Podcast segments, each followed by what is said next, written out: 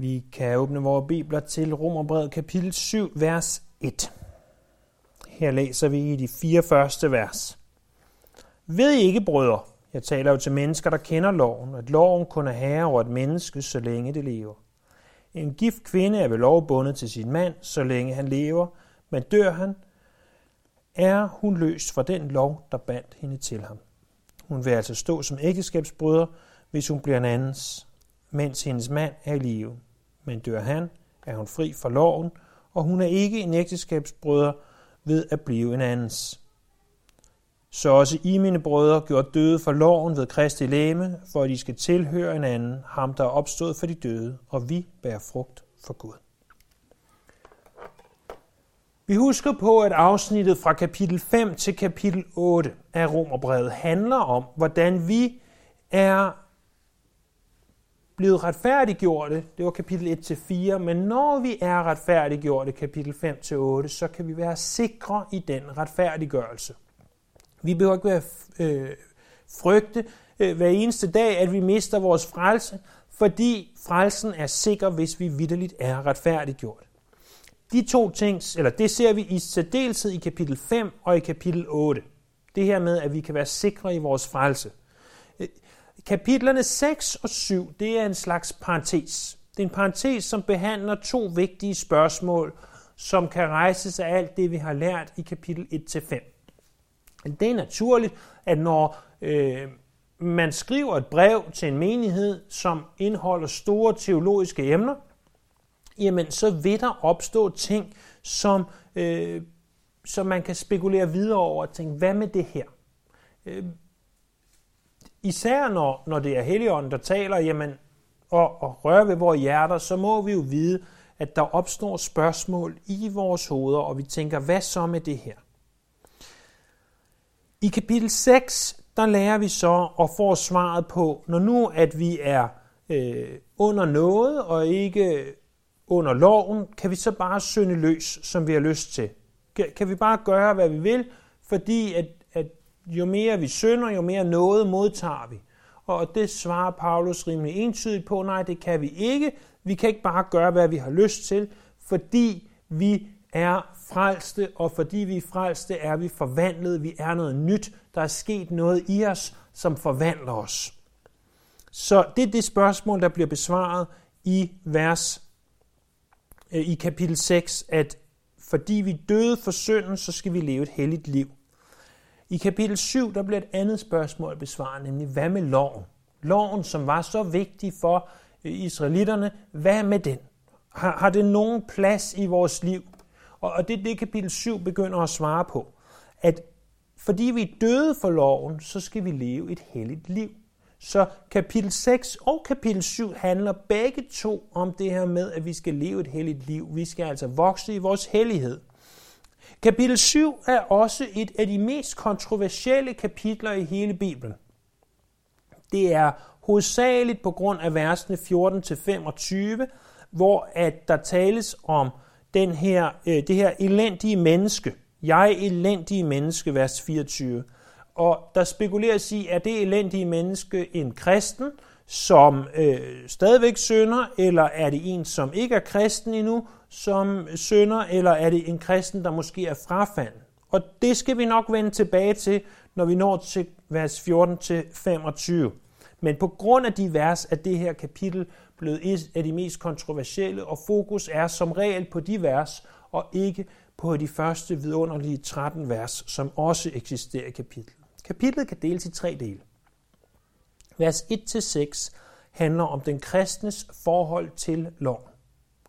Vers 7-13 handler om lovens hellighed, og vers 14-25 handler om det her elendige menneske, om I vil.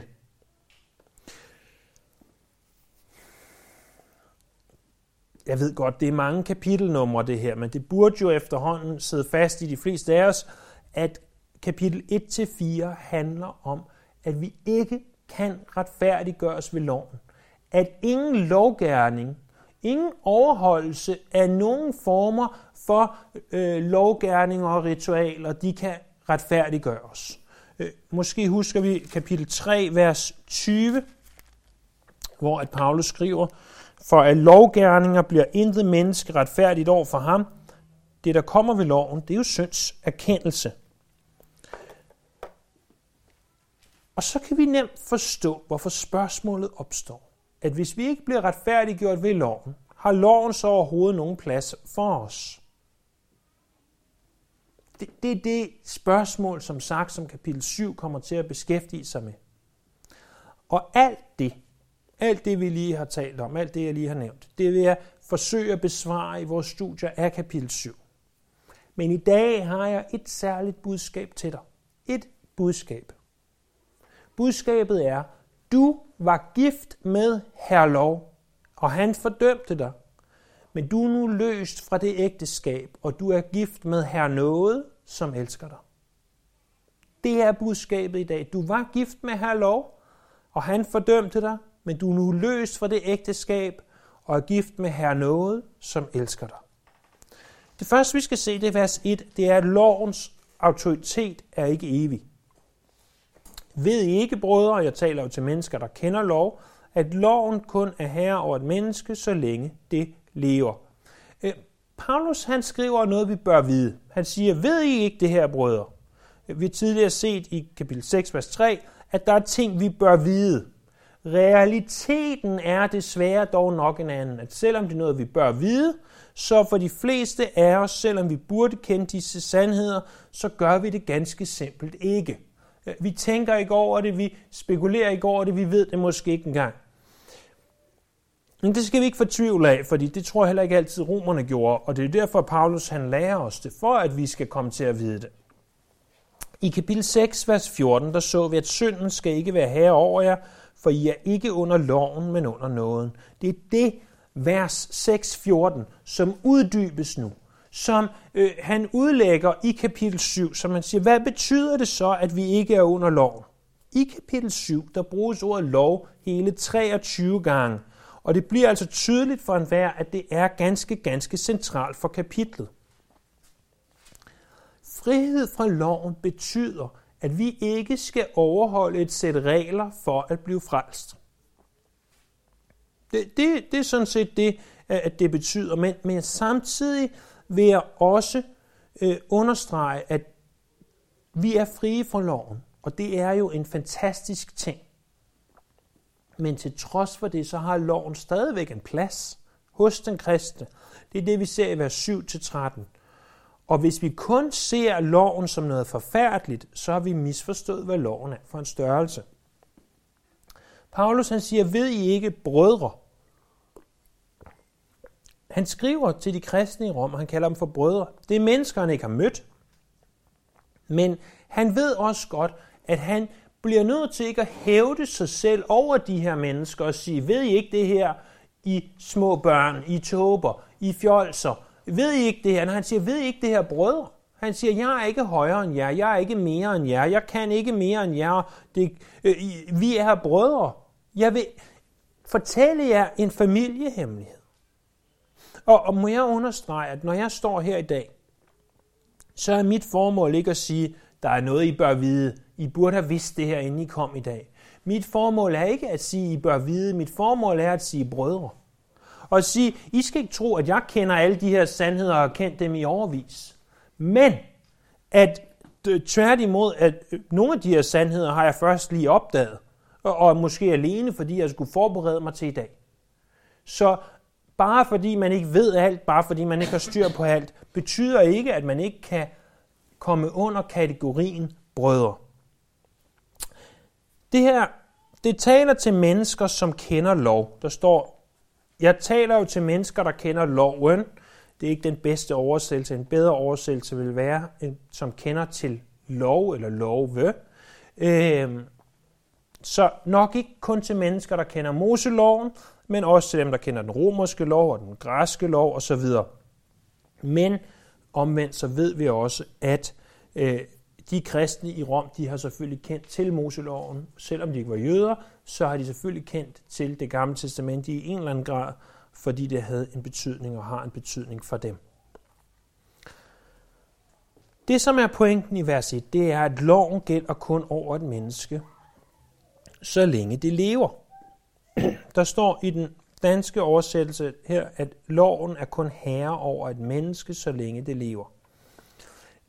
Det ord herre er blevet oversat på så mange forskellige måder i de engelske bibler, at det næsten i sig selv er signifikant. Prøv at lytte her. Vores 92 oversættelse har herre over. 1871 har oversæt, den danske oversættelse af 1871 har hersker over. New King James, dominion over. New American Standard, jurisdiction over. Uh, Legacy Standard Bible, master over. The Net Bible, lord over. ESV, binding over. NIV, authority over. Så vi har altså ordene herre og hersker på dansk.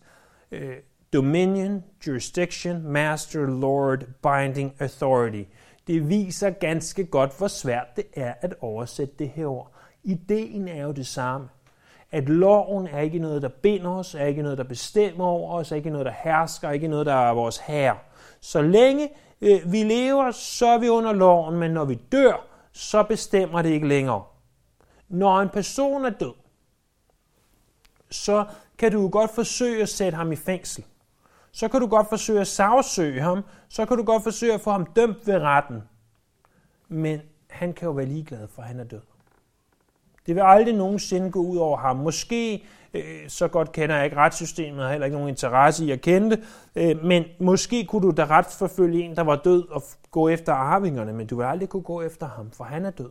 Han er død over for lov. Det er slut. Det er færdigt. Og det er det, vers 1 siger. Vers 1 siger, loven gælder kun for et menneske, så længe det lever. I vers 2 og 3 kommer han som en illustration for ægteskabet. Det er vigtigt at forstå, at der er tale om en illustration. Og en illustration, den skal det. Den skal illustrere.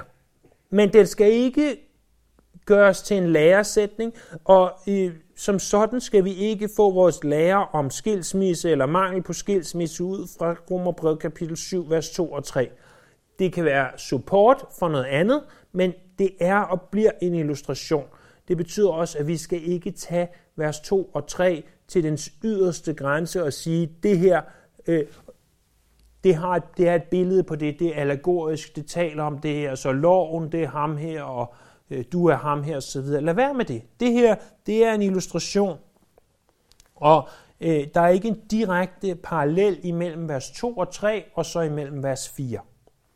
Paulus, han antager, at det, der siges i vers 1, det forstår langt de fleste. Loven bestemmer kun over en, så længe man lever. Og så siger han, lad mig prøve at, at illustrere det her. Jamen, du står der i kirken, eller hvor man nu stod dengang, og siger, øh, vi vil ære, ære, ære, love og så videre, indtil døden os skiller. Det er indtil døden og skiller. Og hvad sker der så? Jamen, hvis kvinden går hen og er sammen med en anden mand, så er hun ægteskabsbryder. Hvis manden går hen og er sammen med en anden kvinde, han er også en ægteskabsbryder. Men til gengæld, hvis den ene part dør, så er den anden fri til at gifte sig igen. Så er hun ikke længere under den lov. Så er hun ikke længere en ægteskabsbryder, fordi så er ægteskabet ophørt på lovlig vis. Det skal også bemærkes, at en gift kvinde er ved lov bundet til sin mand, så længe han lever, men dør han, er hun løst fra den lov. Det ord løst står i den grammatiske form perfektum, hvilket betyder, at det er noget, der er sket i fortiden, men som har betydning for nutiden. Så hun er løst. Hun er løst en gang for alle, og hun er løst endeligt. Så vi har i vers 1, at loven bestemmer kun over et menneske, så længe det lever. Det illustreres i vers 2 og 3 ud fra ægteskabet, at så længe man er gift, mm, så kan man ikke og skal man ikke gå ud og være sammen med andre, men Dør den ene part, så er man løst fra ægteskabet, og så er man altså løst fra den ægteskabslov, der eksisterede, og så er man altså fri til at gifte sig igen, så Paulus tilføjer et andet sted, men kun i Herren. Når vi så kommer til vers 4, så kommer vi til selve budskabet. Selve kernen i det, som jeg gerne vil sige til jer i dag. Vi mindes lige om, hvad der står. Se, så er I også I, mine brødre, gjort døde for loven ved Kristi læme, for at I skal tilhøre en anden, ham der er opstået for de døde, og vi bærer frugt for Gud. Du er ikke længere gift med herre lov, du er gift med herre noget. Jeg tænker, at inden vi ser på det her, så lad os være sikre på, at følgende står klar. Vers 1-3 lærer os altså, at loven kun hersker over os, så længe vi lever.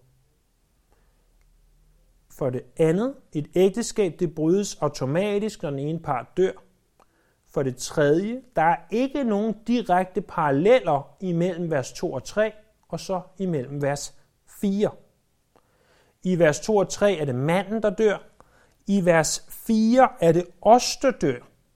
Men vi bliver gjort levende igen, og derved kan vi så gifte os med Kristus Jesus.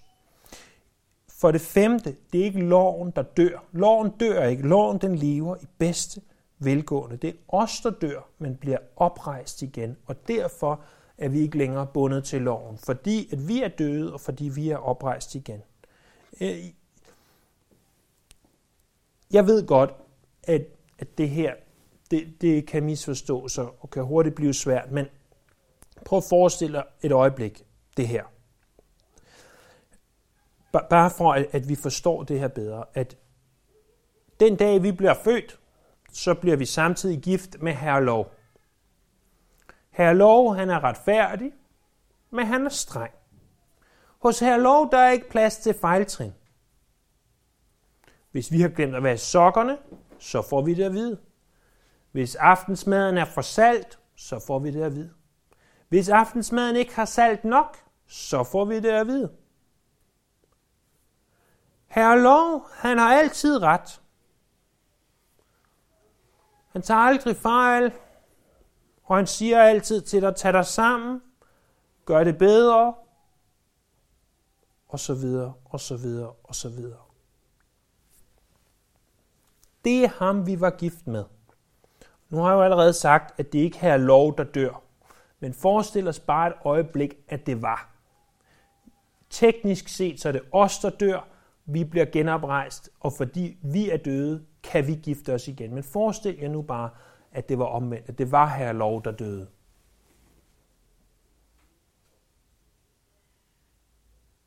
Det, det var ikke fordi, han nødvendigvis var ond i sig selv. Han var bare, der var bare ikke plads til fejltrin. Der var ikke plads, plads til at gøre noget som helst forkert. Og så dør han. Og så står der i vers 4, at vi er oprejst med ham for at tilhøre en anden. Jeg håber, du forstår, at det er de mest vidunderlige ord. For at tilhøre en anden. Du er nu fri til at gifte dig med her Noget. Her Noget, som jo naturligvis er ingen andre end Jesus Kristus selv. Som er god. Som når du fejler, siger, jamen det gør ikke noget, jeg har betalt for din fejl. Jeg har betalt for dine overtrædelser. Jeg har betalt for dine sønder. Det er ham, vi kommer til at tilhøre. Det her det er langt fra det eneste sted, der tales om vores forhold til Jesus som et ægteskab. Naturligvis kender vi forhåbentlig Efeserne kapitel 5, øh, vers 25-33, som er ægteskabsafsnittet. Øh, det er afsnit, hvor i at vi, vi lærer, hvordan en kristen husorden er, men måske endnu vigtigere, at vi er gift med Jesus Kristus. Vi ser det naturligvis også i åbenbaringen kapitel 19 i forhold til lammets bryllup. Og det er det her, jeg godt øh, vil have skal sidde fast i os, at vi kommer til at tilhøre en anden. Vi var gift med herre lov, men nu er vi gift med herre noget. Højsangen, hvis vi taler om kontroversielle kapitler i Bibelen, så er højsang en kontroversiel bog i Bibelen. Den har igennem tiderne været set på mange forskellige måder. Der har været tendensen til at sige, at det er rent historisk. Det taler om kong Salomo, og det taler om måske hans første hustru, hans første kærlighed, og det er en hyldest til øh, ægteskabet. Der er også mange, der har sagt, nej, det har intet med det at gøre. Det er kun en bog, der taler om Guds kærlighed til os. Prøv gang at, at finde højsang. Ikke fordi den er blevet væk, men fordi at vi ikke slår op i den særligt tit. Øh, I øvrigt øh, har jeg lavet mig fortælle, at jeg ved ikke, om det stadigvæk er sådan, men det var sådan en gang, at, at for, blandt jøderne, der måtte man, skulle man være mere end 30 år gammel, før man fik lov til at læse højsangen, øh, fordi at der altså er billeder i den, som, lad os bare sige det som det er, ikke er for børn. Øh, derudover så nævner højsangen ikke direkte en eneste gang øh, Gud eller Herren eller andet, og det gør bogen til kontroversiel. Som jeg har det i dag, på denne 12. december, det herrens år 2021, så er min forståelse af højsangen, at vi ikke skal, nødvendigvis skal tage udelukkende den ene vej eller den anden vej. Det vil sige, det er ikke kun er en bog, der taler om ægteskabets hellighed, og det er ikke kun er en bog, der taler om Guds kærlighed til os, men at den viser os begge ting. Hvis I spørger mig i morgen, eller om en uge, eller om et år, eller om fem år, kan det godt være, at jeg har en anden opfattelse. Fordi vores opfattelser af sådan nogle ting her, de kan altså ændre sig, men, men det er min opfattelse lige nu, og det er altså det er sådan, jeg, jeg ser det her lige nu. Prøv at se, hvis vi bare et øjeblik, fordi uanset om vi tror det ene eller andet, så, så kan jeg næsten ikke andet end at tage de her ord og se, okay, hvad er det, at Jesus han i det ægteskab, vi har med ham, siger til os. Prøv at se kapitel 1, vers 8.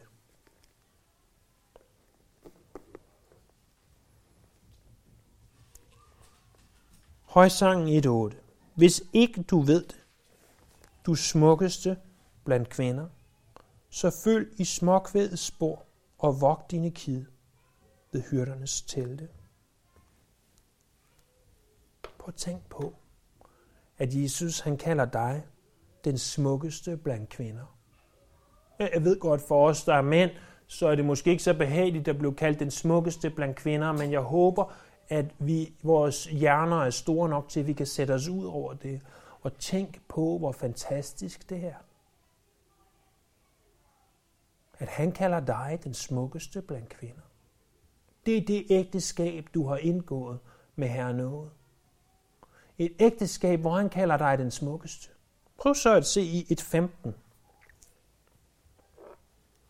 Her siger han, hvor er du smuk, min kæreste, hvor er du smuk. Dine øjne er som duer. Igen understreger han, at du er smuk. Og prøv så at se i kapitel 4, vers 1. Hvor er du smuk, min kæreste? Hvor er du smuk? Dine øjne bag sløret er som duer, dit hår er som en gedeflok, der bølger ned for Gileads bjerge. Dine tænder er som en flok nyklippede får, der kommer op fra badet, alle med tvillinger, ingen uden lam. Og sådan fortsætter han. Hvor er du smuk. Hvor er du fantastisk. Det er det, som han siger til os. Han siger ikke, åh, nu har du fejlet igen. Du overholdt ikke loven. Maden var for salt. Suppen var for tynd. Kagen var for sød. Nej. Han siger til dig, du er smuk. Du er fantastisk. Og, og jeg ved godt, at når vi underviser romerbrevet, og når vi i kapitel efter kapitel har hørt, at vi er fordømt af loven, og vi er retfærdiggjort ved nåden, så har vi altså indimellem brug for bare at høre, at Jesus han synes, vi er smukke. At han elsker os. At når han ser på os, kirken, de udvalgte, de retfærdiggjorte, så ser han intet mere fantastisk. Han ser os som smuk. Og igen i 6, 4. Du er smuk som Tirsa, min kæreste, yndig som Jerusalem, skræmmende som et hær under banner.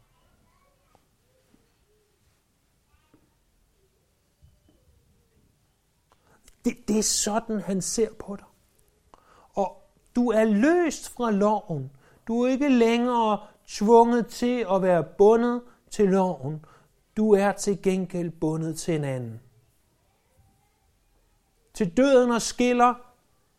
Døden har skilt dig fra loven. Dit liv, din evighed afgøres ikke af, om du overholder lovgærninger.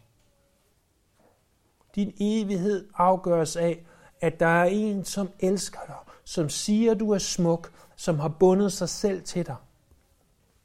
Og det er i øvrigt også til døden, jeg skiller. Men fordi det, han skænker, er evigt liv, så vil døden aldrig, aldrig komme til at skille jer.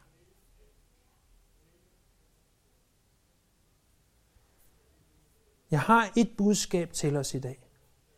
Det er, at du ikke længere er gift med herr lov. Du er løst fra det ægteskab. Du er gift med herre noget. Du er gift med Jesus. Han elsker dig. For ham, der er du det smukkeste, der eksisterer. I hans øjne, der kan du ganske simpelt ikke gøre noget forkert. Han ser på dig med kærlighed.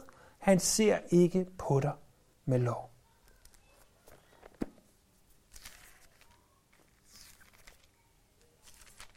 Det er det, som vi skal forstå fra de her første fire vers af Romerbrevet, kapitel 7. Næste gang vi samles om Romerbrevet, der vil vi se videre på, hvad det betyder, hvordan, hvordan den her det her ægteskab er blevet indgået. Altså med andre ord, hvad vil det sige, at vi er blevet en kristen? Og hvad er frugten? Hvad er frugten af det her ægteskab? Hvilke børn har vi kunne få ud af det? Med andre ord, det er det, vi vil se i resten af vers 4 og i vers 5 og i vers 6. Lad os bede. Himmelske Far, skaber og Gud, tak for muligheden for at, at dele dit ord i dag her. Tak for muligheden for at høre, hvor meget du elsker os. At således elskede Gud verden, at han gav sin enborne søn, for at enhver, som tror på ham, ikke skal fortabes, men have et evigt liv. Det, det er da vidunderlige nyheder. Det er da utroligt. At vi skal være at vi skal tilhøre en anden, at vi tilhører dig, Jesus Kristus. Det priser vi dig for, det ærer vi dig for, og det lover vi dig for. Vi takker dig her. Amen.